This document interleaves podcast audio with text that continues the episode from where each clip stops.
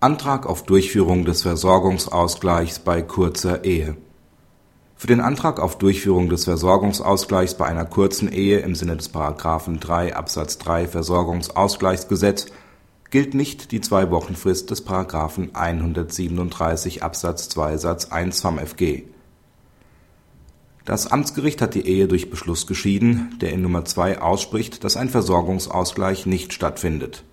Begründet wird dies damit, dass die Ehezeit nicht mehr als drei Jahre betrug und der Antrag des Ehemanns auf Durchführung des Versorgungsausgleichs erst sechs Tage vor der mündlichen Verhandlung und damit nicht innerhalb der Frist des § 137 Absatz 2 Satz 1 VmFG eingegangen war. Die Beschwerde des Ehemanns ist erfolgreich.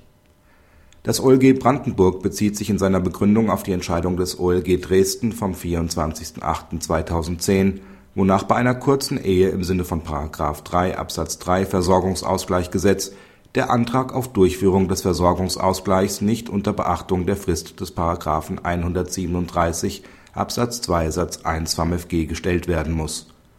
Zur Begründung wird ausgeführt, dass über den Versorgungsausgleich bei der Scheidung im Sinne der § 6 bis 19 und 28 Versorgungsausgleichgesetz gemäß § 137 Absatz 2 Satz 2 VmFG notwendig im Verbund zu entscheiden ist, ohne dass es hierzu eines Antrags bedarf.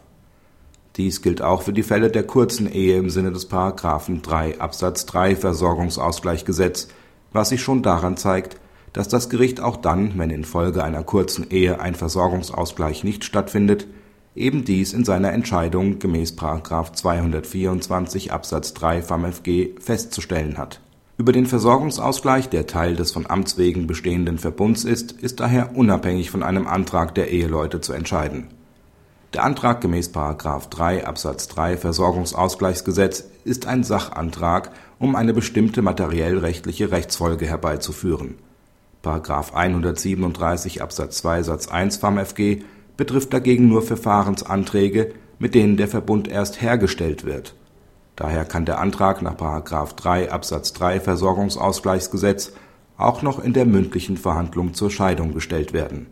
Praxishinweis Auch wenn das Gericht nach § 224 Absatz 3 VmFG in der Beschlussformel feststellt, dass ein Versorgungsausgleich nicht stattfindet, ist für diesen ein Verfahrenswert anzusetzen, denn ein Versorgungsausgleichverfahren wird eingeleitet, wenn der Scheidungsantrag bei Gericht anhängig gemacht worden ist und der Versorgungsausgleich von Amts wegen im Verbund mit der Scheidungssache durchzuführen ist.